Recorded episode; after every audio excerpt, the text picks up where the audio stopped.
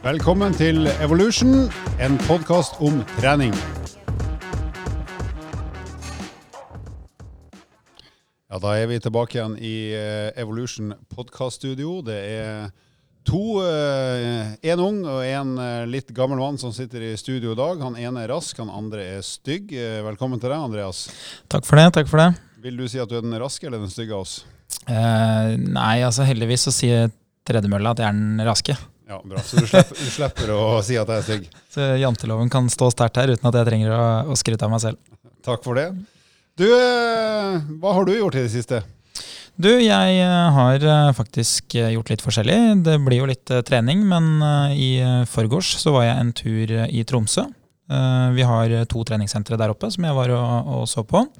Og så møtte jeg en, eh, en fin gjeng med personlige trenere som, eh, som jobber der oppe. Og mange av de som har jobba hos oss i, i mange år, de, de befinner seg på de sentrene. Så det, det er alltid trivelig å få en liten sånn oppdatering på hvordan det går, og hvordan treningssentrene fungerer. Det som jeg har tatt med meg hjem derfra, bortsett fra jobbmessige ting, det er en ganske god stølhet.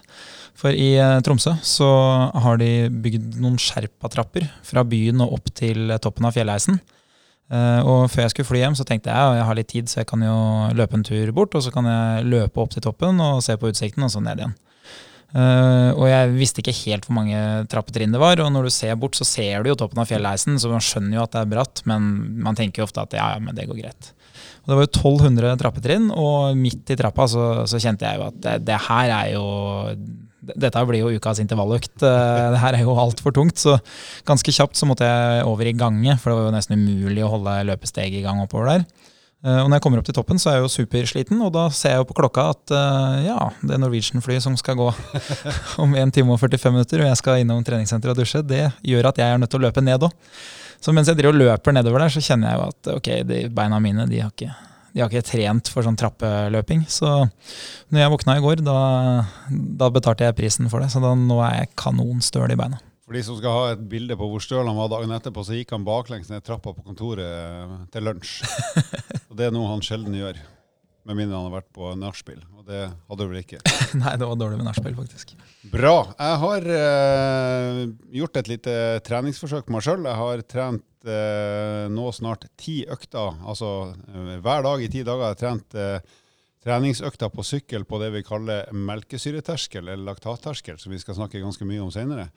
For å se hva det kan gi eh, en fyr som meg av sånn treningsutbytte i forhold til om man kanskje får økt eh, kapasitet og tråkker fortere hardere, eller om man bare blir seigere til å jobbe ganske hardt over lang tid. Så jeg er litt spent på å se på, på effekten av det. Jeg skal ha totalt 14 sånne økter, altså to dager, eh, unnskyld, to uker hver dag. Med en, en sånn type terskeløkt for å se, og så skal jeg teste meg sjøl på å se om min eh, toppkapasitet har blitt noe bedre. Så det er jeg faktisk litt spent på. Og det bringer oss jo over til eh, eh, dagens tema, som vi straks skal få høre litt mer om.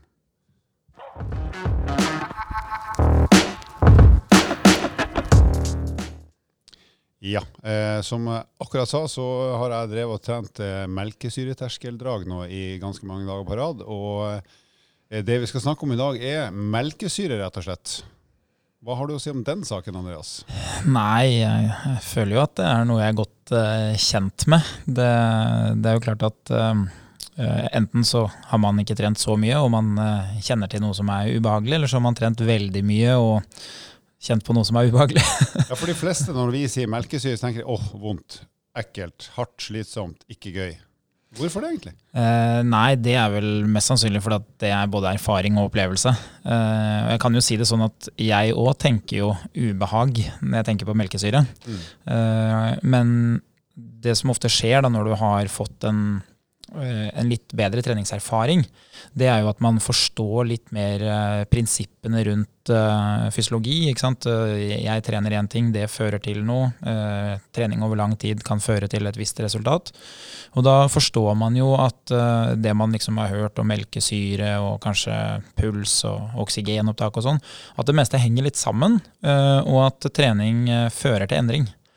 Så, så for mange så, så vil nok kanskje uh, treningserfaringa tilsi at de forstår liksom ok, jeg får melkesyre nå, men kanskje jeg kan trene hardere uten å kjenne det i fremtida, eller ja. Men sånn, sånn som jeg opplever, så er liksom melkesyra er syndebukken. Grunnen til at vi får vondt på trening, eller opplever at, vi, at det er vondt, særlig kanskje i tøff kondisjon, er melkesyre. Så alle sier ja, det er melkesyra. Jeg får vondt nå, nå er det slitsomt, for nå er det melkesyra som tar meg. Men er vi sikre på at det egentlig er melkesyra som er grunnen til at eh, vi blir så sliten og fæl? Nei, altså melkesyra har vel kanskje fått et sånt uh, litt ufortjent uh, syndebukkstempel. Uh, jeg pleier å tulle og si at det som gjør vondt, er jo at du blir avslørt. så hvis du setter deg av gårde på, på en 10 km, eller da i, i, styrkeløft, for det er det jo mange som ikke forstår, men, men det er jo melkesyre bundet opp til å trene styrke òg. Mm. Så denne episoden her skal jo ikke bare handle om, om kondistrening. Selv om det er lettere å bruke kondisjonseksempler for å få de fleste til å forstå det, så gjelder de samme prinsippene når du trener muskulaturen lokalt. Da. Men uh, melkesyra ja, den har jo eh, mest sannsynlig fått et syndebukkstempel som ikke er helt riktig. Uh, nå har vi uh, en del kunnskap om det her, men vi, vi, liker jo å sette oss litt inn i ting før vi prater om det, sånn at vi er sikre på at det vi vet, stemmer. Men og for å se litt på at vi får med oss nok til at de fleste lytterne får noe igjen da, for en episode. Mm. og en ting som jeg fant, da, det var melkesyren har blitt holdt ansvarlig for så mangt. Eh, før ble den også holdt ansvarlig for at du ble støl dagen etter trening. Og Det er jo en ting som, eh, som har vært i stor endring de siste årene. Mm. Man trodde før at melkesyre var årsaken til stølhet, men der ser man jo i stor grad at det som er årsaken, det er hva du har gjort tidligere, og hva du gjør i dag. Uh, og det bringer meg jo litt tilbake til det med, med den fjellheisen oppe i, i Tromsø. Mm. Hvor jeg da kommer fra et par uker hvor jeg i snitt har løpt både åtte og ni mil i uka. Det betyr jo da at man løper over en mil om dagen.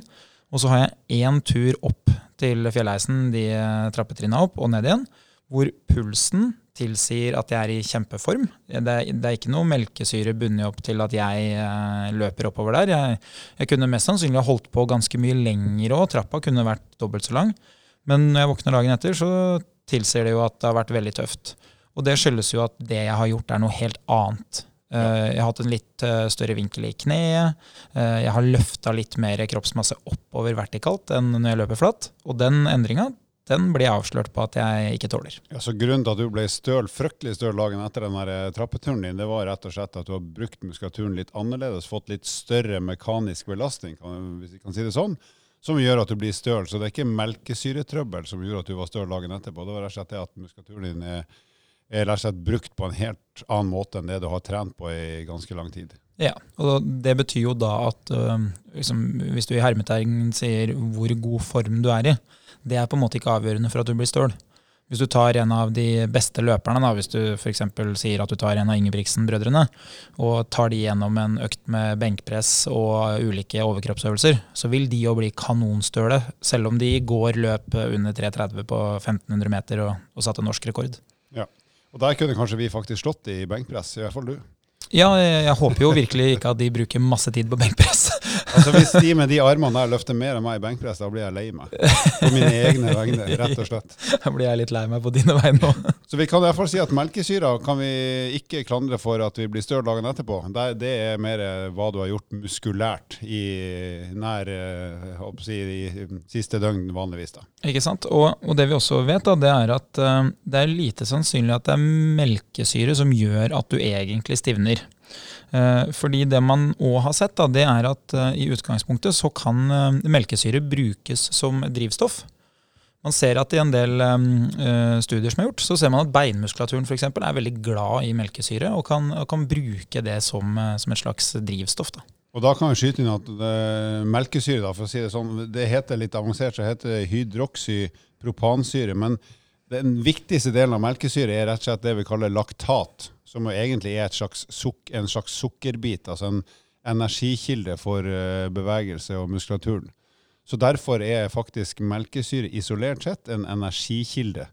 Selv om vi ofte skylder på at det er melkesyra som gjør at vi blir plagsomt sliten og, og stiv i, i muskulaturen.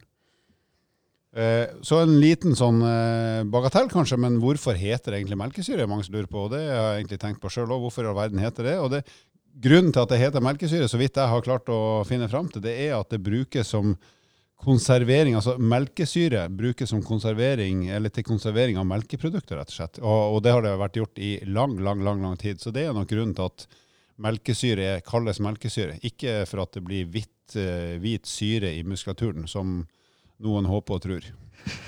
Så tror jeg vi har fått uh, feid den av banen også. men uh, hvorfor får man melkesyre, da? Vi, vi, snakker jo, Nå skal vi fortsette å snakke om melkesyre, men i den forstand at da gjør du en eller annen, jobber du med en eller annen intensitet som gjør at du ikke kan holde på i det uendelige. Altså, du jobber så hardt at melkesyre eller du føler surhet, stivhet i muskulaturen i stadig økende grad. Og hvorfor får man egentlig det? Nei, Det som er litt vanskelig her, er at eh, jo mer omfattende tema vi eh, prater om, jo mer kunnskap må du på en måte ha før vi starter podkasten. Så det vi skal prøve å gjøre, er å, gjøre det så enkelt sånn at flertallet henger med. Vi, vi, kunne jo ha dratt av gårde på noe vanskelig anatomi her, men da blir det så få som, som får det med seg.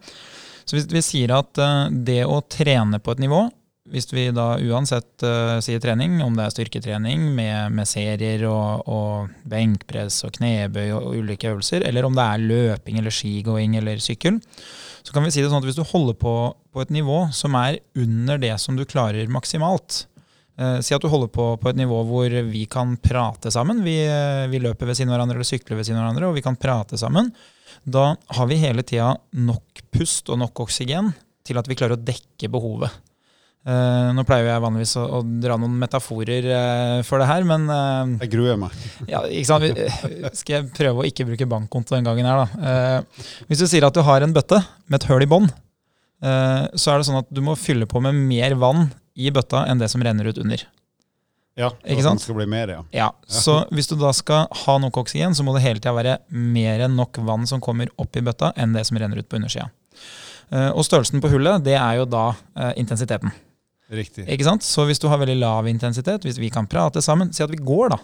Da er det hullet veldig lite. Det er veldig lite melkesyre som dannes når det er mer enn nok tilsig av oksygen. Ja, så bøtta er full av oksygen, og det er bitte litt melkesyre som ja. Eh, kommer ut. og det er ganske, ganske trivelig. ikke sant? Vi, jeg, henger med, jeg henger med, Andreas. Det her er bra, det. Ikke sant? Og uh, hvis vi da skal bruke et sånt eh, perspektiv på tid, da. Hvis vi sier at du og jeg vi begynner å gå fra Oslo, uh, og så går vi til noe stopper oss. Så Det som vil stoppe oss, trolig, da, er jo at vi er nødt til å sove, vi er nødt til å ha noe mat. ikke sant? Eh, det vil ikke være at vi får for lite oksygen. Vi mm. kommer aldri til å måtte skru ned på farta fordi eh, en av oss eh, har så høy puls og er så stiv i muskulaturen at vi ikke klarer å, å gå videre. Det som kommer til å skje, er jo enten at vi må stoppe pga. at vi skal sove, eller at en av oss har fått så mye vannblemmer eller vondt i, i noe, f.eks. i, i hæla eller i knærne eller noe sånt. Eh, mens hvis vi da bruker litt høyere intensitet, si at vi istedenfor å gå velger å løpe, så er det sånn at uh, da blir mengden melkesyre større. Da blir på en måte det hølet i bøtta litt større, det renner litt mer igjennom. Uh, og da, bare for inn, Det betyr i praksis at muskulaturen vi bruker, rett og slett produserer mer melkesyre fordi at intensiteten er høyere. Ja. Altså Derfor blir det hullet i bøtta større. Ikke sant? Fordi muskulaturen hele tida trenger tilskudd av, av, næring og oksygen for å skape den kraften som gjør at muskelen kan brukes. Eh, og Hvis du da får nok oksygen, du får nok næring, så vil du kunne holde på lenge. Eh, hvis vi da refererer til den, eh, den runden vi hadde med den challengen på mølla, så hvis du velger en fart som er moderat, da, og som er godt under maksen, og du får i deg mat og drikke, så kan du holde på i fem timer på en, på en tredemølle. Og da igjen kommer det problemet med at du mest sannsynlig får vannblemmer på beina og vondt et eller annet sted, før du egentlig på en måte sprekker da, eller at melkesyra kommer. Og der var jo alle sammen ganske flinke til å finne et nivå der vi kunne jobbe så hardt vi kunne uten at det ble noe stort melkesyretrøbbel. Bortsett fra undertegnede, som det siste kvarteret fordi at allerede var slått, dro på noe ordentlig for å bli fort ferdig når jeg likevel hadde tapt. Og da gikk jeg over melkesyregrensa mi og fikk et skikkelig problem etter hvert. Ikke sant. Så, så det man ofte ser, er at erfarne eh, trenende de blir ofte gode til å anslå intensitet. Det var vi også litt inne på i den podkasten med, med, Kristin Holte, som driver med crossfit. At det som kjennetegner hun, sammenligna med mange andre utøvere, det er at når hun får en øvelse kasta på seg i crossfit-konkurranse, så kan hun ganske raskt anslå eh, hva som er beste løsning for å holde hele veien til mål og klare å gjennomføre alt hun skal. Eh, det blir litt som å gå Birken på ski, f.eks. Hvilken fart skal jeg velge fra start som gjør at det går fort nok til at jeg kan eh, gå i jevnt tempo hele veien, men sakte nok til at det ikke er for fort, sånn at jeg ender opp med å, å sprekke og må stoppe og ha pauser. Og, uh, og, det kjennetegner jo de som har litt mer erfaring. Så det siste eksempelet, da, hvis vi bruker den bøtta, det er jo hvis vi da starter i et altfor høyt tempo. Si at uh, du velger å gå for uh, den farta som du klarer på 3000 meter. La oss si at jeg prøver å holde følge med deg, rett og slett. Ja, det, det, vil jo være et ganske godt eksempel akkurat nå løpsmessig. Da. Mm. da, da sier vi at vi to skal løpe maraton. Og så starter vi i den farta jeg ville valgt på maraton, som da kanskje sånn tidsmessig eh, ligger et sted på, på, rundt 5000 eller 7000 eller 10 000 for deg. ikke sant? Mm. Og det betyr at du holder jo fint følge med meg i, eh, si, I en stund. I en stund, Si 5000-7000 meter. Men så plutselig da, så begynner man å bli avslørt på at det som kommer opp i den bøtta, er mindre enn det som ramler igjennom hølet på andre sida. Og da på et eller annet tidspunkt så vil det ikke være vannblemmer på beina eller vondt i kneet som stopper deg, men det er rett og slett ikke nok tilsig av energi til at du kan opprettholde jobben. Så, uh, så mine muskler på den farta der eh, må jobbe så mye at eh, jeg trenger masse oksygen i muskulaturen for å få skapt den krafta jeg trenger, men samtidig så produserer det så mye melkesyre og avfallsstoff at det her kommer ikke til å gå i 42 km. Ikke sant. Og, og, det som skjer da, det er at det er, ikke, det er de færreste som evner å holde på til de møter veggen sånn bokstavelig talt. De aller fleste gir seg jo fordi at uh, motivasjonsbristen kommer. Det blir jo så ubehagelig. Så hvor lenge du er villig til å slåss med det her, det varierer. Men sannheten er at alle vil møte på et tidspunkt hvor de ikke kan fortsette. For det er ikke sånn at uh, fordi om jeg er verdens mest viljesterke person, så kan jeg løpe helt i mål på maraton. Fordi det er for høy kostnad, og du, du, har på en måte blitt avslørt. Men det som kan skille en veldig godt viljesterk person fra en som ikke har vilje i det hele tatt, det er jo kanskje 10 da. Mm. Uh, så, så som godt eksempel, uh, da er vi jo tilbake til en annen metafor, da, men hvis du og jeg vi har veldig ulik lønn, jeg tjener dobbelt så mye som deg, Og det gjør du faktisk. ja, Utrolig nok. så bestemmer vi oss begge for at uh, nei, vi skal, vi skal, leie et skikkelig fint hus. Uh, jeg har råd til det, jeg går litt i pluss hver måned. Mens du leier til 10 eh, 000 mer enn det du har, så vil du på et eller annet tidspunkt bli avslørt. Ikke sant? Og hvor mye kredittkortgjeld du har lyst til å ta opp, det, det, kan du gjøre, men det kommer aldri til å gå hele veien. Men bare for å si det, jeg har jo finere sykkel enn deg. Du har finere sykkel. Ja, det, er, det, er, sant. Det er sant. Så, så, det her er, um, det er ofte en sånn fallgruve for mange, og det er jo spørsmål jeg får av PT-kunder òg. De, de, sier sånn uh, Ja, men du må jo ha mye sterkere vilje enn meg som orker det. Uh, så prøver jeg å forklare at uh, vilje, det utgjør kanskje promille eller noen små prosent. Men en utrent person vil aldri kunne konkurrere med en godt trent person. For, for, så mye rolle spiller ikke vilje, fordi det, det er ikke fysiologisk mulig å få det til. Ja, altså Hvis du har en BMI på 43 og en stålvilje, så vinner du ikke maraton likevel. Nei, det gjør det ikke det. Det skjer ikke. Men motsatt vei så kan du ha en perfekt uh, utøver som ikke vinner fordi man ikke klarer å jobbe like godt med hodet. Og det ser man jo eksempler på i toppidretten mange ganger, at en del utøvere de, de sliter litt med liksom å, å, ha den mentale vinnerviljen. Uh, et sånt eksempel på det er jo femmila i, i um, uh, Falun, der Northug ligger ganske langt bak. Eh, samtlige som går den femmila, syns nok at det er ganske kjipt å gå de siste 1000 meterne. De er jo ganske slitne, de, de har alle liksom gått litt over evne. Men, men, da ser du hvor mye vilje kan spille inn, selv om de i utgangspunktet passerte 49 km helt likt. Mm. Så, så, det er ikke store differanser, men det kan utgjøre veldig store forskjeller i toppidrettene.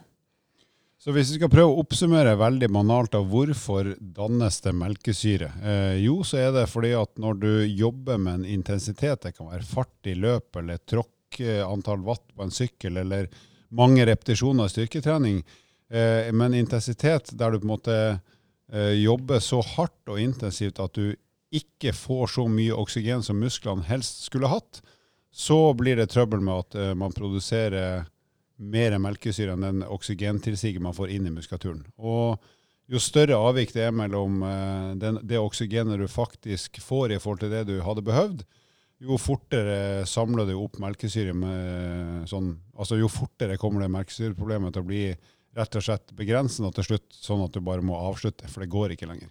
Ja, og da kan man enkelt si at det finnes kun to muligheter til å fortsette.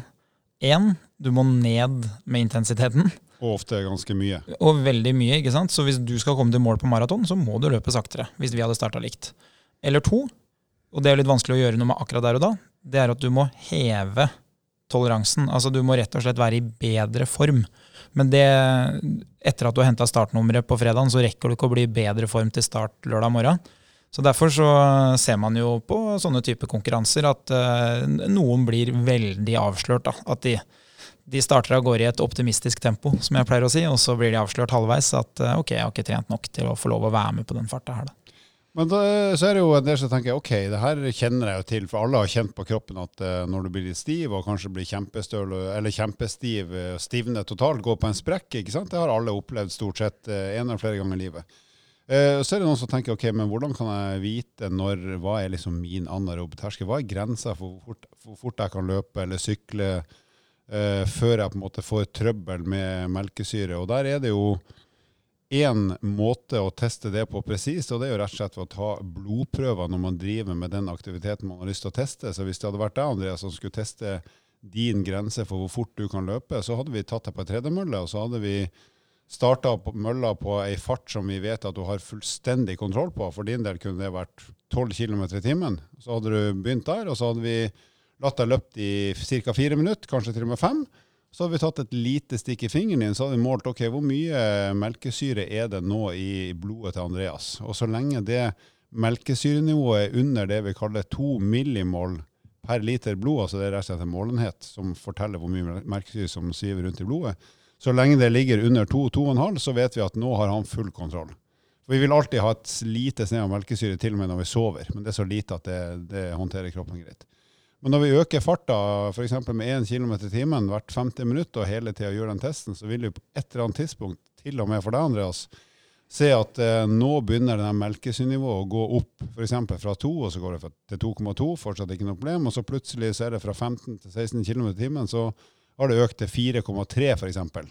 Og da vet vi, siden vi har lest mye fysiologi, at da har du gått litt bitte over den melkesyreterskelen. Og da vet vi at så lenge du løper på den farta der, så kommer melkesyre til å hope seg opp. Altså, du blir liksom ikke kvitt det, for du jobber akkurat litt for hardt at du hele tida kan få det unna. Altså ha like mye vann i den bøtta som det renner ut, hvis vi bruker eksempelet ditt eh, før.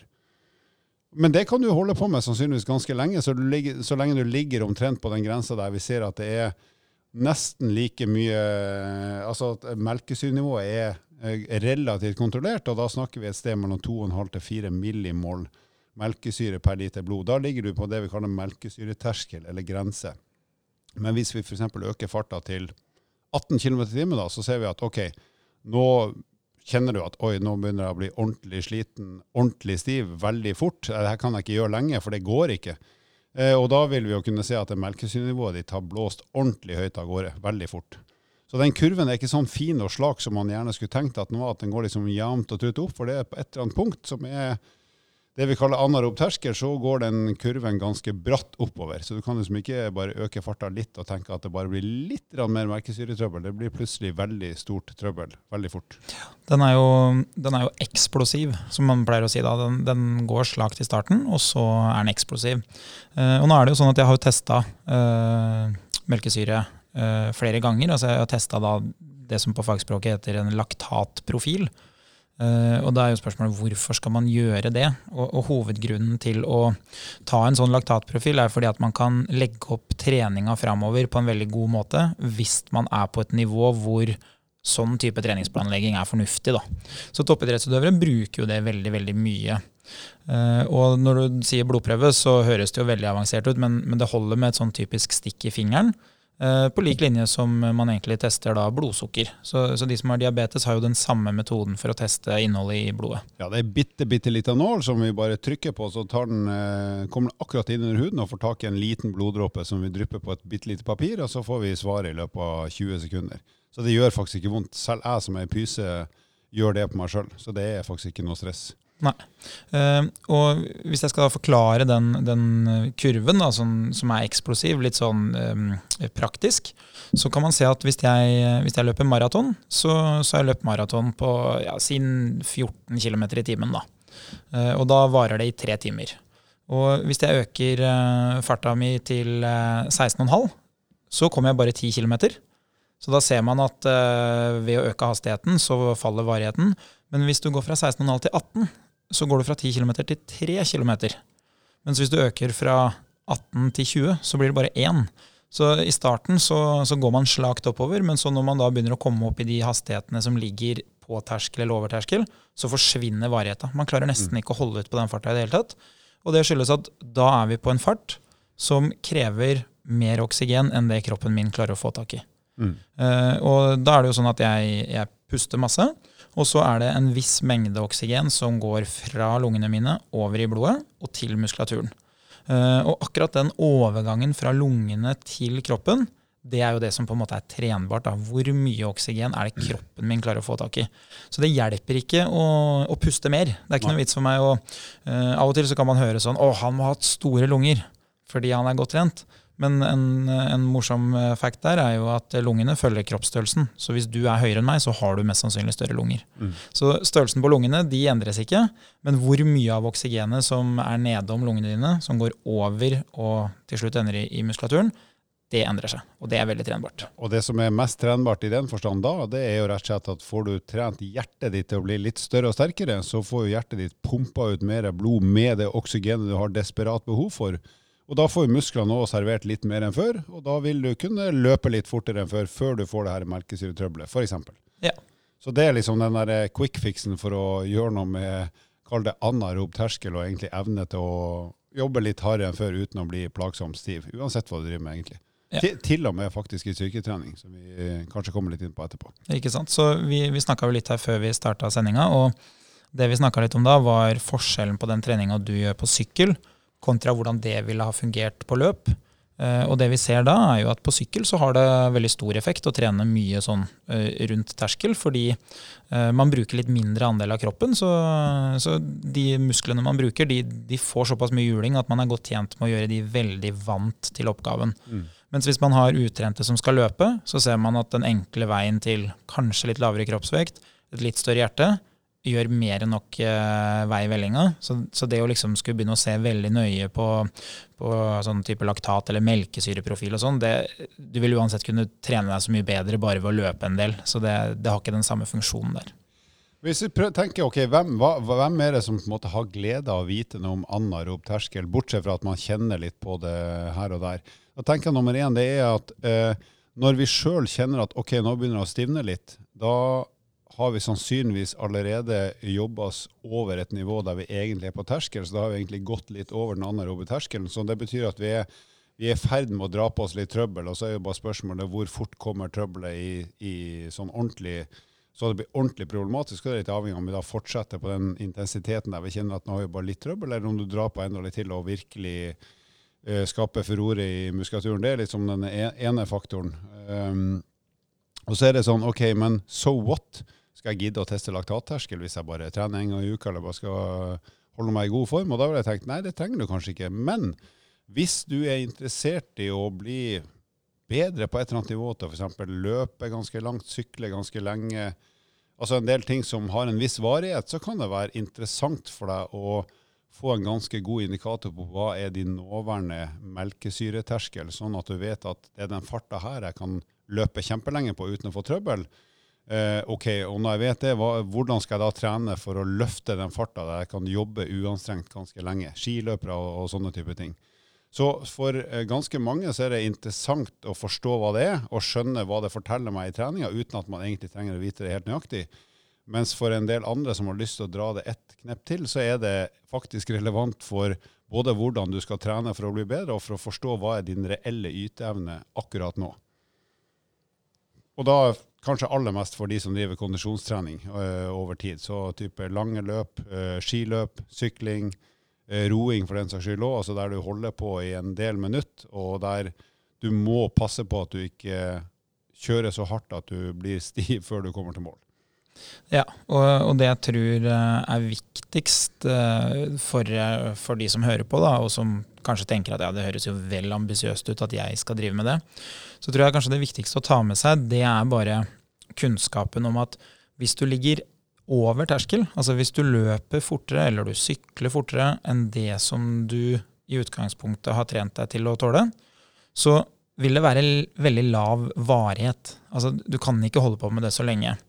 Og en annen eh, problemstilling da, det er at i den perioden hvor intensiteten er litt for høy, så, så driver du og kriter ganske tøft.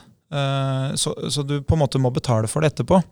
Eh, et praktisk eksempel der er hvis jeg løper rolig i en god periode, og så løper jeg altfor fort i ti minutter, og så løper rolig igjen etterpå, så vil ikke kroppen min være tilbake til start fordi om jeg løper rolig etterpå. Nei, det tar mer enn ett sekund å justere ned igjen. Ikke sant? Og, og, det man har sett i en del tilfeller, da, det er at hvis du går for hardt til verks på intervaller f.eks., så hjelper det ikke å gi seg selv tre-fire minutter ekstra pause. Som regel så må du ha to døgn med pause før du er tilbake og kan prestere liksom på, på, det samme nivået. Da. Fordi det å, å, dra til for hardt og det å ha for høye melkesyreverdier, eh, det er såpass tøft for, eh, for, kroppen at det tar tid å vaske ut melkesyre. Det er det ene. Og det andre det er jo at for å skape melkesyre, så må du jo gjerne være på, på en belastning, si når du løper da, på en fart, som er litt høyere enn det du vanligvis gjør, mm. som òg er med og skaper høyere belastning. Så hvis jeg f.eks. hadde nå gått ut og løpt 500 eh, som er noe jeg aldri gjør fordi jeg ønsker lengre varighet, så ville jeg blitt veldig mye stivere enn det jeg blir til vanlig. Fordi jeg må løpe så fort for å få opp uh, pulsen. Og snur du det, så kan jeg jo løpe veldig fort fordi det er veldig korte intervaller sammenligna med hva jeg gjør. Mm. Uh, I tillegg så må jeg løpe veldig fort i fart. Sånn at uh, den mekaniske jobben på legger og knær og sånn, den nå vil jo være mye høyere. Mm. Så da ville jeg mest sannsynlig fått en mye lengre restitusjonstid etterpå. Så når du planlegger trening, så kan det være smart at de gangene du skal trene litt lengre, når du har mål om litt lengre økter, hold deg unna for høy intensitet. Og de gangene hvor du skal ha intensitet, hvor målet er å få hjertet til å slå, og som du sier, få et større og sterkere hjerte, start litt rolig. Sørg for at de øktene eh, avsluttes tøffest, mm. ikke at de starter tøffest. For hvis du er litt uheldig og kanskje ikke har helt oversikt, og starter litt for tøft, så er det ikke sikkert at du klarer å få den samme varigheten og det samme volumet på økta di, fordi du rett og slett har svidd av alt kruttet til start. Da. Du må betale tilbake for tidlig i økta, rett og slett. Ikke sant. Så jeg pleier å si sånn at legg heller til én eller to ekstra intervaller, og så bruk heller de to første på å finne rytmen. Mm. Det er bedre å bare ha litt mer varighet og treffe enn å skulle ha hastverk med å liksom komme fort i gang, og så heller måtte fjerne de to siste fordi at det, det ble for tøft. Det er jo diggere å avslutte med det beste draget enn at det første draget var best, og så ja. er de andre kjipere og kjipere og dårligere og dårligere. Det er jo ikke noe gøy. Nei, og så De fleste varmer jo kanskje opp litt, eh, litt lite òg, så det man ser er jo at ved å være litt snill med seg selv i starten, så er man ordentlig gjennomvarm og kan, og kan puste en god del mer og få litt mer oksygen tilgjengelig. Så de aller fleste er godt tjent med å, å trekke litt på, på, tida det tar før intensiteten blir høy. Da. Hvis vi skal oppsummere så langt, eh, hvordan kan man løfte sin egen melkesyreterskel, eller løfte sin egen evne til å jobbe ganske hardt før det blir trøbbel? Så er det jo to ting du kan jobbe med da. Det ene er jo hjertet, som vi skal snakke litt om etterpå. og Da må du rett og slett trene med ganske høy intensitet for å få hjertet til å pumpe mye. og sørge for at hjertet blir større og sterkere, så du får levert mer blod. Det er liksom den ene måten å gjøre det på. Den andre måten å gjøre det på er jo å trene den muskulaturen som du har lyst til at skal gjøre jobben. Altså Hvis du er løper, så må du løpe. Er du syklist, så må du sykle. Altså Du må trene bevegelsesspesifikt, sånn at muskulaturen får øvd seg på de bevegelsene den skal. Eh, og da snakker vi en trening som ofte betyr ganske mye tid, volum, på ikke så veldig høy intensitet. F.eks. når jeg sitter og trør mine terskelwattintervaller eh, nå, så ligger jeg på drag på ti minutter. Så gjør jeg det fem ganger. Så jeg har egentlig 50 minutter med intervalltrening, sånn at det blir et stort volum av uh, den sykkelspesifikke bevegelsen, fordi at jeg faktisk sykler.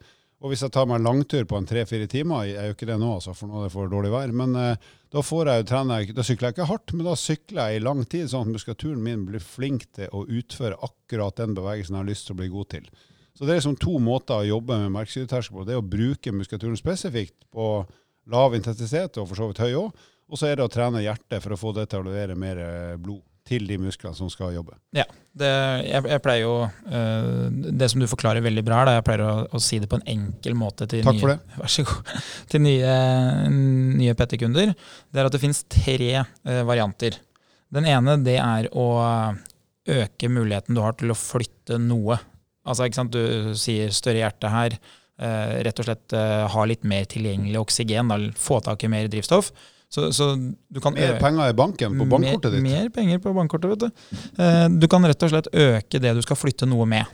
Eh, og så er det det som du bruker som andre metoden her, det er å flytte mer effektivt. Det, det er jo eh, For mange utrente en viktig, viktig faktor. Mm. Mens for toppidrettsutøvere så er det mindre og mindre å hente. Men det er fortsatt der de kan hente det, fordi de trener så mye at det er vanskelig å bli så mye bedre trent. Mm. Og det man ofte snakker om da, er jo f.eks. teknikk. ikke sant?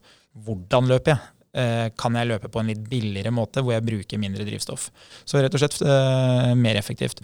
Og det siste, da, det, det er jo litt sånn varierende fra person til person, men det er jo det du flytter. Uh, og det er jo ikke sånn at Vi skal sitte her og snakke om at kroppsvekt er en viktig del av, uh, av det å skulle løpe eller sykle. Eller. Men det er nå engang sånn at hvis du f.eks. er mann 50 år uh, og du Herr ja, ikke sant?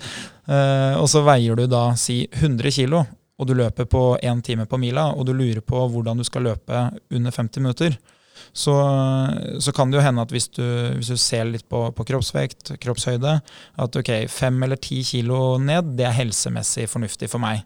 Da vil det jo òg være sånn at du vil nok løpe en del fortere uten å ha høyere oksygenopptak. Fordi du rett og slett har mindre masse du skal flytte. Eh, Så i mange tilfeller så, så er det jo en del av de Birken-personene som bruker mye penger på utstyr. fordi det er gøy. Der. Nei. Her. herr. Eh, som, som helt sikkert kunne eh, kanskje ha droppa litt ekstra øl i ukedagen etter fotballkampen. Kanskje de kunne ha spist litt mindre potetgull i helgene. Og som hadde veid én eller to kilo mindre på start. Og så hadde de spart kanskje 40 000-50 000 i utstyr. Så det er klart at Uh, Selv om de hadde brukt det allikevel. Ja, ikke sant. Det hadde fått større effekt. Så, så det man ser er jo at kroppsvekt er jo en viktig faktor for, uh, for fremdrift, da, eller altså for prestasjon. Da. Hvis vi, vi går litt, eh, prøver å gjøre det her litt praktisk i forhold til treningsøkta, og, og da tenker jeg vi snakker jo da om eh, altså den med lav intensitet, kondisjonstrening, det er jo rett og slett bare å finne en intensitet, uh, fart, som du er komfortabel med, som er null stress, som du kan holde på med i 20 minutter eller tre timer. altså Det er liksom, det er aldri slitsomt, annet enn at det eventuelt er kjedelig. altså. Men uh, hvis vi går over til de hardere øktene der du skal trene primært for å få hjertet til å bli større og sterkere. Hvor lang tid tenker du, hvor hardt skal man trene da, Andreas? Og hvor, hvor lenge skal du trene totalt sett, og hva slags pauser bør du ha for at de øktene kan bli superbra? Eh, Det man ofte ser, da, hvis vi starter litt med, med sånne enkle ting, det man ofte ser at eh, de fleste bommer på, det er at de har for lite varighet. Altså de, de trener for kort, sånn at de, det blir verken fugl eller fisk. De, de får ikke lang nok eh, periode til at de kan bli bedre trent. Men at selv om de treffer riktig på det de gjør, så blir det så lite belastning. Sånn at uh, hvis du gjennomfører en fire ganger fire-økt, som er en standardmetode, med kort oppvarming og ikke noe nedtrapping, så uansett hvor fort du løper, så har du aldri løpt mer enn i 25 minutter, på en måte. Så, så det blir ofte litt lite varighet. Så Mm. det jeg vil eh, ha sagt, er kanskje uh, å passe på at varigheten blir lang nok gjennom å sette opp økta på forhånd. Og da tenker jeg sånn, hvis du har trent en del, så bør du over 15 minutter med hard innsatstid. Ja. Du snakka om at du hadde fem ganger ti. Det er jo da helt i andre enden av skalaen. Det er jo da for de som har holdt på lenge. Eh, Men så er det ikke sånn at det blir mer og mer jo bedre trent du blir. Så det at du har fem ganger ti, det er jo noe av det meste både du har hatt, og det du kommer til å ha. Eh, Men det vi begge passer på, er at vi ikke ramler under noe særlig eh, lavere enn da 15 minutter. Da kan du dele det opp i nesten hva du vil. Du kunne f.eks. hatt 1 ganger 15, du kunne hatt 15 ganger 1, du kunne hatt 3 ganger 5, 5 ganger 3. Eh, Men så er det jo da det andre man må passe på, det er jo at i de minuttene så vil vi ha høy nok puls. Mm. For det er ikke noe vits å ha de minuttene hvis ikke de skal føre til det man ønsker. Så det må være reelt sett, det må være høy intensitet, reelt sett, ikke altså objektivt sett, så, så jobber du hardt Ja. ut fra dine forutsetninger. ikke sant? Så den ene fallgruva mange bommer på, det er at de har for lite varighet. De, de tror at selv om man, liksom, det er veldig salgbart og veldig kommersielt å si effektiv trening, så, så finnes det en grense for hvor lite du kan gjøre for å få noe igjen. Mm. Så man må ha nok varighet. Og det andre problemet mange har, det er at de tror at oppsettet, intervall, fører til en veldig fin treningseffekt. Men det er hva du gjør som fører til treningseffekten. Så hvis vi tar deg på ordet og sier at ett kvarter med høy intensitet, det er det som skal til. Og så sier vi at eh, vi deler det i fem, da. Så vi tar treminuttersbiter med høy intensitet, og så har vi en pause imellom. Og hvor, hardt, hvor hard skal de treminutterne være hvis vi tenker subjektiv opplevelse og puls? Vi, vi tenker løping, for det er det de fleste driver med. Hvor, hvor, hvor høy puls skal de ligge på sånn cirka i prosent? Og, Og hvor hardt skal det oppleves mentalt, hvis det går an å si noe om det? Ja, eh, Det første er jo, hvis vi da ser bort ifra at eh, vi ønsker å starte bitte litt roligere. Så, Mm. det, så den første intervallen den kan vi godt si at den skal vi ikke Kan vi ikke kalle den egentlig bare et sånn oppvarmingsdrag som ikke teller med i kvarteret? For Ikke å sant. være litt hard? Ja, Vi kan si at du kjører en tre minutter, som er siste oppvarming. Mm. Men den skal være tøffere enn den første, på en måte. Ja. Eh, Da, har vi, da har vi fem sånne treminuttere som vi skal sysle med. Og Uh, nå har vi snakka om melkesyre. Vi har snakka om det å måle melkesyre underveis i trening, eller én gang for å få en god oversikt. Eh, puls er en veldig fin metode å måle eh, intensitet på. Grunnen til at toppidrettsutøvere gjerne bruker melkesyre og ikke puls, det er fordi at melkesyra den, den sier noe om hva som foregår akkurat der og da, mens pulsen den kan lure deg litt, fordi at den flyter litt med hvordan temperatur det er, hva du gjør, hvordan type pauseoppsett du har, hvor kort oppvarming du hadde. Men melkesyre vil alltid bare si 'det her er status'. Sånn er det. Mens for alle oss andre, da, meg selv inkludert, så holder det egentlig med puls. Hvis du gjør det rundt riktig, hvis du på en måte har litt lik oppvarming hver gang, så vil du kunne bruke puls som, eh, som en metode til å sammenligne med. Mm. Eh, og da er det sånn at hvis vi da snakker om de siste intervallene, altså de tre siste, for det er da vi på en måte skal være der og hente ut eh, eh, bra med hjerteslag, så bør det være såpass kjipt at pausen kommer akkurat tidsnok. Mm. Eh, hvis du løper eh, drag nummer tre og fire og sånn, og tenker mm, jeg hadde egentlig ikke trengt den pausen, jeg kan være litt effektiv, jeg kan bare løpe seks minutter i ett med en gang. Du begynner å tenke på hva du skal handle på butikken og sånn underveis? Ja. Det er for lav intensitet, fordi eh, målet er at det skal være så hardt at kroppen må bli bedre neste gang for å tåle eh, den treninga du driver med. Mm. Og hvis du ikke føler at det er såpass kjipt, så er det heller ikke det. Så derfor så må vi, eh, vi må tørre å trøkke til litt, og, og kroppen er motsatt. Den er sånn at Som regel så er det trenbart å tåle å presse seg. Så hvis du ikke syns det er kjipt, så er det som regel enda enklere enn det det burde ha vært. Mm. Så det bør være såpass kjipt at uh, du må ha pausen. Uh, og så bør det være så kjipt at i de første 30 sekundene til ett minutt i den pausen, så er det fortsatt kjipt. Mm. Det er helt på slutten av pausen at du skal tenke ok, da, det går kanskje an å få det til en gang til. Så hvor, sånn cirka hvor høy puls har man da når man har det så kjipt som man bør ha det? Er det sånn snøtt 90 eller rundt 90, pluss minus? Ja, og, og det som er med puls, da, som er litt sånn vanskelig, det er at pulsen er jo individuell. Uh, den er medfødt, og den er ikke trenbar. Så der hvor vi kan trene veldig mye for å heve melkesyreterskelen vår, og, og flytte terskelen oppover, sånn som du gjør gjennom din trening, så vil du aldri få høyere makspuls av å drive med den treninga. For den er på en måte genetisk bestemt. Og den er dritbra. Det er jo en sånn morsom ting jeg ofte overhører på treningssenteret. Det er jo liksom wow, du, du har skikkelig bra puls. Ja, ja, jo, kanskje. Men Takk for det. den er medfødt. Men det som er trenbart, er hvor lenge du kan ligge på en viss prosent av din makspuls. Mm. Eh, Så vi kunne jo sagt det enkelt. Du- Du kan ha 100 i makspuls, jeg kan ha 200. Men hvor lenge du kan ligge på 90% av din makspuls, og hvor lenge jeg kan ligge på 90% av min, det er veldig trenbart. Mm. Og der er forskjellen på oss to på mølle, at jeg kan ligge mye lengre med høy puls på mølla enn det du kan. Mm. Eh, Så når vi snakker om puls, så, så ser vi at for utrente så bør vi over 80, helst over 85 Mm. mens for godt trente så må vi over 85 Ja. For det som skjer hvis du ikke er over 85% det er at da blir det ikke nok jobb for hjertet. Så, så det, det blir liksom ikke noe vits for hjertet å skulle bli noe bedre. Det blir ikke ren trening av hjertet, altså det blir for slapt. Ja, For det, det du trener når du driver med utholdenhet, det er to ting. Du trener de musklene som skal skape fremdriften eller aktiviteten, men så trener du også hjertemuskelen. Hjertemuskelen kan du ikke påføre noe, noe belastning bortsett fra slag. Du kan ikke si at nå, Hjerteslag. Ja. Du kan ikke si sånn nå skal hjertet mitt ha ti kilo ekstra i dag fordi det har blitt sterkere. Eh, Det eneste du kan gjøre, er å si at det skal fortsette å slå så og så mange slag eh, hvert minutt i så og så lang tid. Så, så du må nok over 85 Eh, Du må ikke bruke pulsklokke når du trener, men det er ofte et veldig fint verktøy for å, for å sjekke at okay, jobben på hjertet er, er riktig. da.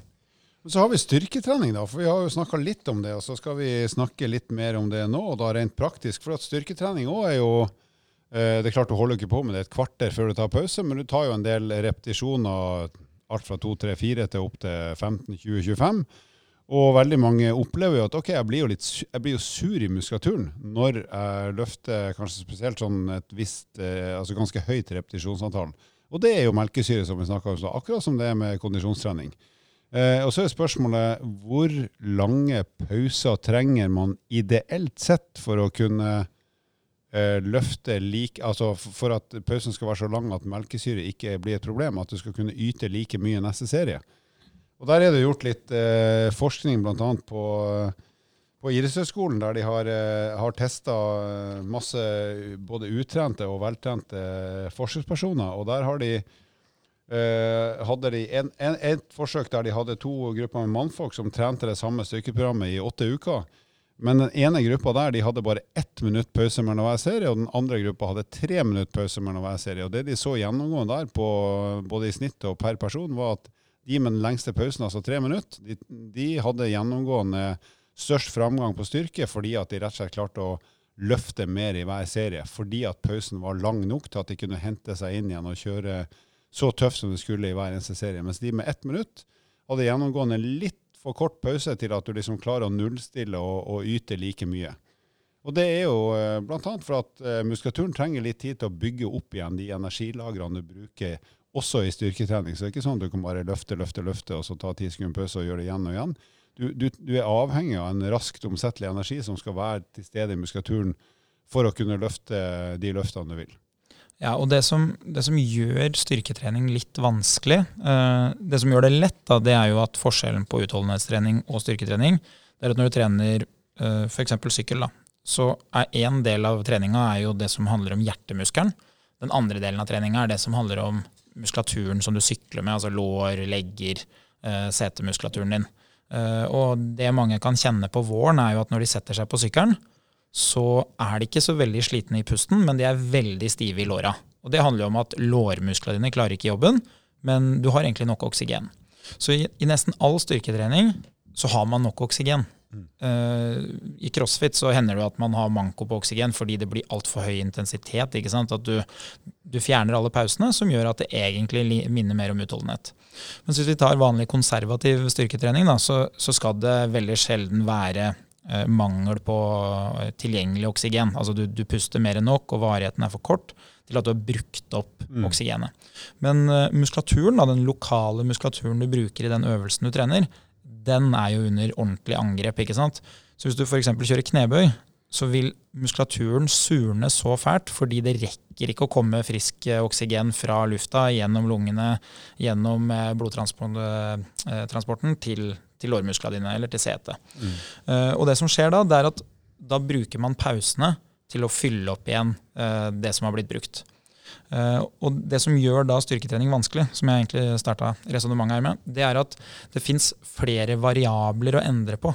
Så, og det er det som gjør alt litt vanskelig. Og den ene variabelen, som du sier, det er hvis du får lengre pause, så får du mer tid til å rydde opp i muskulaturen. Da vil du være klar for å gjøre en ny serie. Mm. Så det, det, betyr at vi må ha en viss pause hvis vi ønsker å fortsette å løfte den tyngden som vi har klart å trene oss opp til. Og styrketrening er ganske enkelt på det at tyngst mulig er best mulig. Men det fins mange modifikasjoner. Eh, men så har man et annet problem, og det er hvis du får altfor lange pauser. Si at vi hadde gitt deg ti minutter pause hver gang. Da er vi helt sikre på at du er eh, back to start og at du er ganske frisk. Og sannsynligvis ganske lei av å vente. Ikke sant? Men problemet da, eh, da er jo problemet at belastninga totalt sett blir jo ganske lav. ikke sant? Fordi det blir jo ikke så tøft for kroppen. Det, du gir jo ikke noe beskjed om at hei, eh, kroppen, nå må du bli bedre til neste gang fordi mm. det kommer til å bli tyngre. Eh, så du kommer til å gå veldig bra i den økta, men det er ikke sikkert at neste økt blir så veldig mye bedre. Så kapasiteten min blir kanskje ikke noe bedre, selv om jeg blir kjempegod til å ta de seriene? Med kjempelang pause. Ikke sant? Så Hvis målet ditt er å få mer muskler, så vet vi at du kan ikke strekke varigheta noe særlig lenger enn 4-5 minutter. For da vil kroppen ha rydda opp, og, og, den trenger ikke å forbedre det som var et problem forrige gang. Så da må vi ha for korte pauser. Altså vi må ha korte nok pauser, men vi må ha lange nok pauser. Og så kommer jo da problemstillinga med belastning i tillegg. ikke sant? Hvilken vekt velge? Og så ønsker du at belastninga skal bli høyere til neste gang. Så det man veldig ofte ser i styrketrening, er at det, det stiller et større krav til variasjon. Man, man, må ha samme type øvelse fordi man skal trene det som skal bli bedre. Men man må ha litt variasjon, fordi det er det som kan på en måte skape den fremdriften som gjør at man blir bitte litt bedre hver gang. Og noen ganger, klart, De fleste av oss har jo ikke tid til å ha tre minutter pause, for da får du ikke gjort en puck på tre kvarter, som ofte er lengden på en treningsøkt. Så det er klart, Sånn sett så blir det ofte et kompromiss med at du tar kortere pause og bare for å få gjort noe. Men og der er jo interessant i styrketrening at det å skape opphopning av melkesyre, da, eller eh, mangel på eh, oksygen og energi, da, primært i, i musklene du bruker, er også, har jo vist seg å være en stimulans for å øke muskelvolumet, altså vokse skape muskelvekst. Sånn at eh, som du sier, av og til så løfter du kjempetungt for å rett og slett få den mekaniske trykket i muskulaturen. Og da trenger du ganske lang, tid, lang pause for å klare å gjøre det en gang til og en gang til. Mens andre ganger tenkte jeg at nå skal jeg virkelig belaste muskulaturen eh, med å trene ganske mange repetisjoner, ha korte pauser, sånn at muskulaturen får beskjed om at det her må vi gjøre bedre til neste gang. Eh, så du har egentlig to måter å øke muskelvolumet på, da. Både ved å trene tungt med kanskje litt lengre pauser, og trene med mange repetisjoner og kortere pauser. Begge deler kan i sum føre til både større styrke og, og litt større muskelvekst. Men da vil du, da vil du kjenne den her melkesyretrøbbelet, kanskje spesielt i denne eh, løftinga der du har mange repetisjoner og korte pauser. Ja, og, og, det vi er inne på her, er jo hva ønsker man å oppnå. Det første spørsmålet man egentlig bør stille seg hvis man skal lage en treningsplan. Og hvis målet er muskelvekst, så må man ha litt sånn eh, blodgjennomstrømning. Man må gjerne ha liksom Det heter jo på fagspråket for hypertrofi, men eh, ofte også liksom litt sånn pumpfølelse. At, mm. at musklene eh, de blir pressa gjennom en belastning til å måtte ha mye blod, sånn at eh, muskelen på en måte får den pumpfølelsen. Mm. Eh, mens hvis målet ditt hadde vært å løfte tyngst mulig, så kanskje ser man at eh, ok, du må ha en periode med litt sånn pumptrening først for å få muskler. Men så kanskje det er mer hensiktsmessig å ha litt lengre pauser for å øve på de tyngre løftene. Så, så styrketrening er både lett, men òg veldig sammensatt. Mm. Uh, et spørsmål jeg fikk uh, etter den challengen vi hadde, det var jo hvorfor valgte vi ikke styrketrening? Nå har vi jo flere episoder på en måte hvor vi har forklart litt rundt det, men nå er vi jo inne på kjernen i hvorfor styrketrening kanskje ikke bidrar med den største forbrenninga. Og det er jo fordi at hvis du skal trene på en intensitet som er høy nok til å koste kroppen mye, si knebøy, si veldig tunge knebøy, så er man òg avhengig av pausene for å kunne fortsette. Mm. Så hvis du bruker meg som et praktisk eksempel, hvis du legger på den vekta som gjør at jeg kan ta ti repetisjoner, så må du òg gi meg tre minutter pause hvis jeg skal kunne ta tre-fire serier. Mm. Hvis du tar fra meg den pausen for å sørge for at forbrenninga blir høy, så vil du òg se at det blir ikke veldig mange løft. Ti på første, så blir det kanskje bare fem eh, løft på andre. Og så kommer jeg mest sannsynlig ikke til å klare mer. For det, det, blir for tungt for meg. Det blir for mange minutter med eh, stillesitting, rett og slett for at du er nødt til å gjøre det for å kunne løfte igjen. Ja, så styrketrening, der, der er pauser fornuftig. Mm. Hvis man vil ha best av begge deler, så er man inne på sånn typisk sirkeltrening. Da får man litt lavere effekt på utholdenhetstreninga si fordi det blir så mye motstand gjennom vektene at man kan ikke virkelig holde høy intensitet. Men man får vektene som gjør at man får med en styrkedel. Mm. Så Derfor så, så, ser man ofte at uh, PT-ene de, de, sverger litt mot sånn typisk sirkeltrening. Kanskje litt splitta opp gjennom at de istedenfor å ha sju øvelser i sirkel, så har de kanskje to eller tre, og så har de flere sirkler.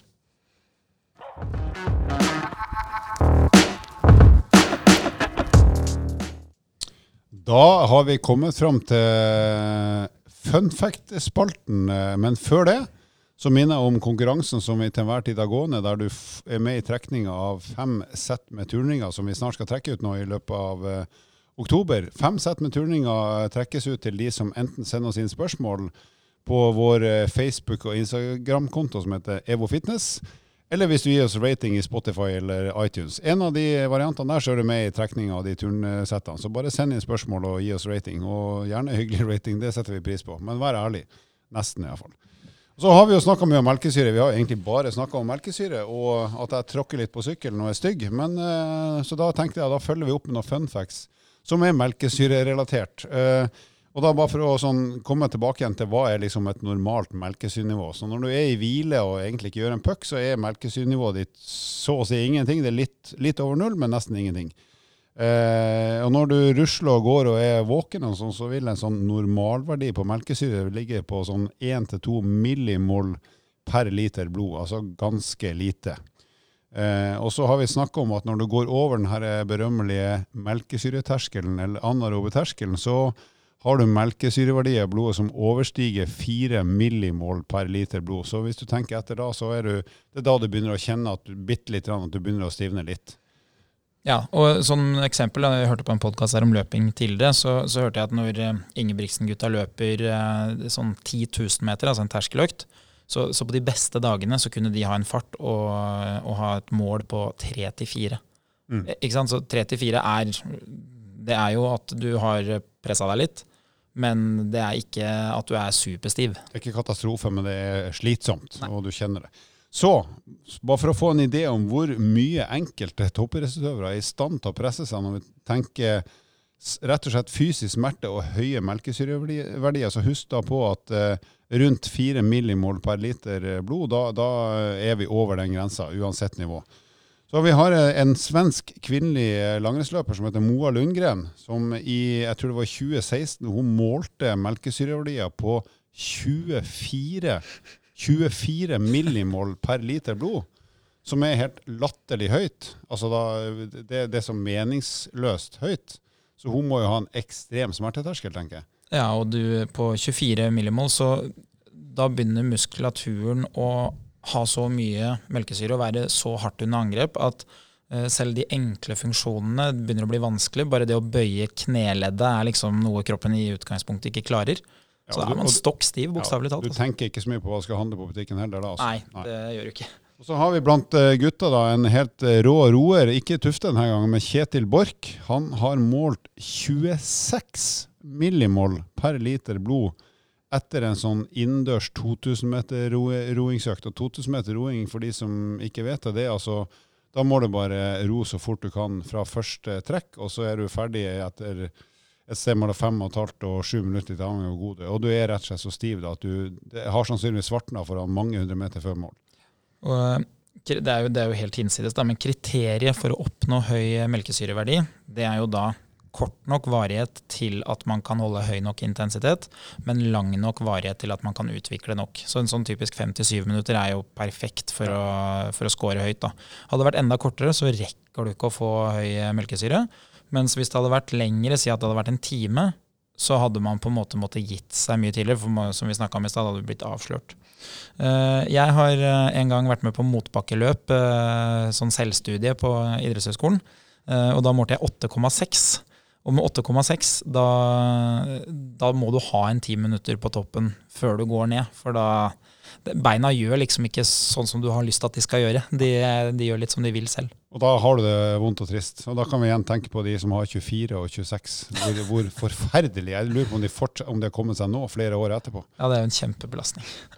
Men da er vi eh, ferdig med episoden som handla om melkesyre. Håper det har vært eh, til nytte eh, og informativt. Eh, skal du si noe rart i dag òg, Andreas? Sayonara! Send inn spørsmål til oss på Evo Fitness. Vi fins både på Instagram og Facebook.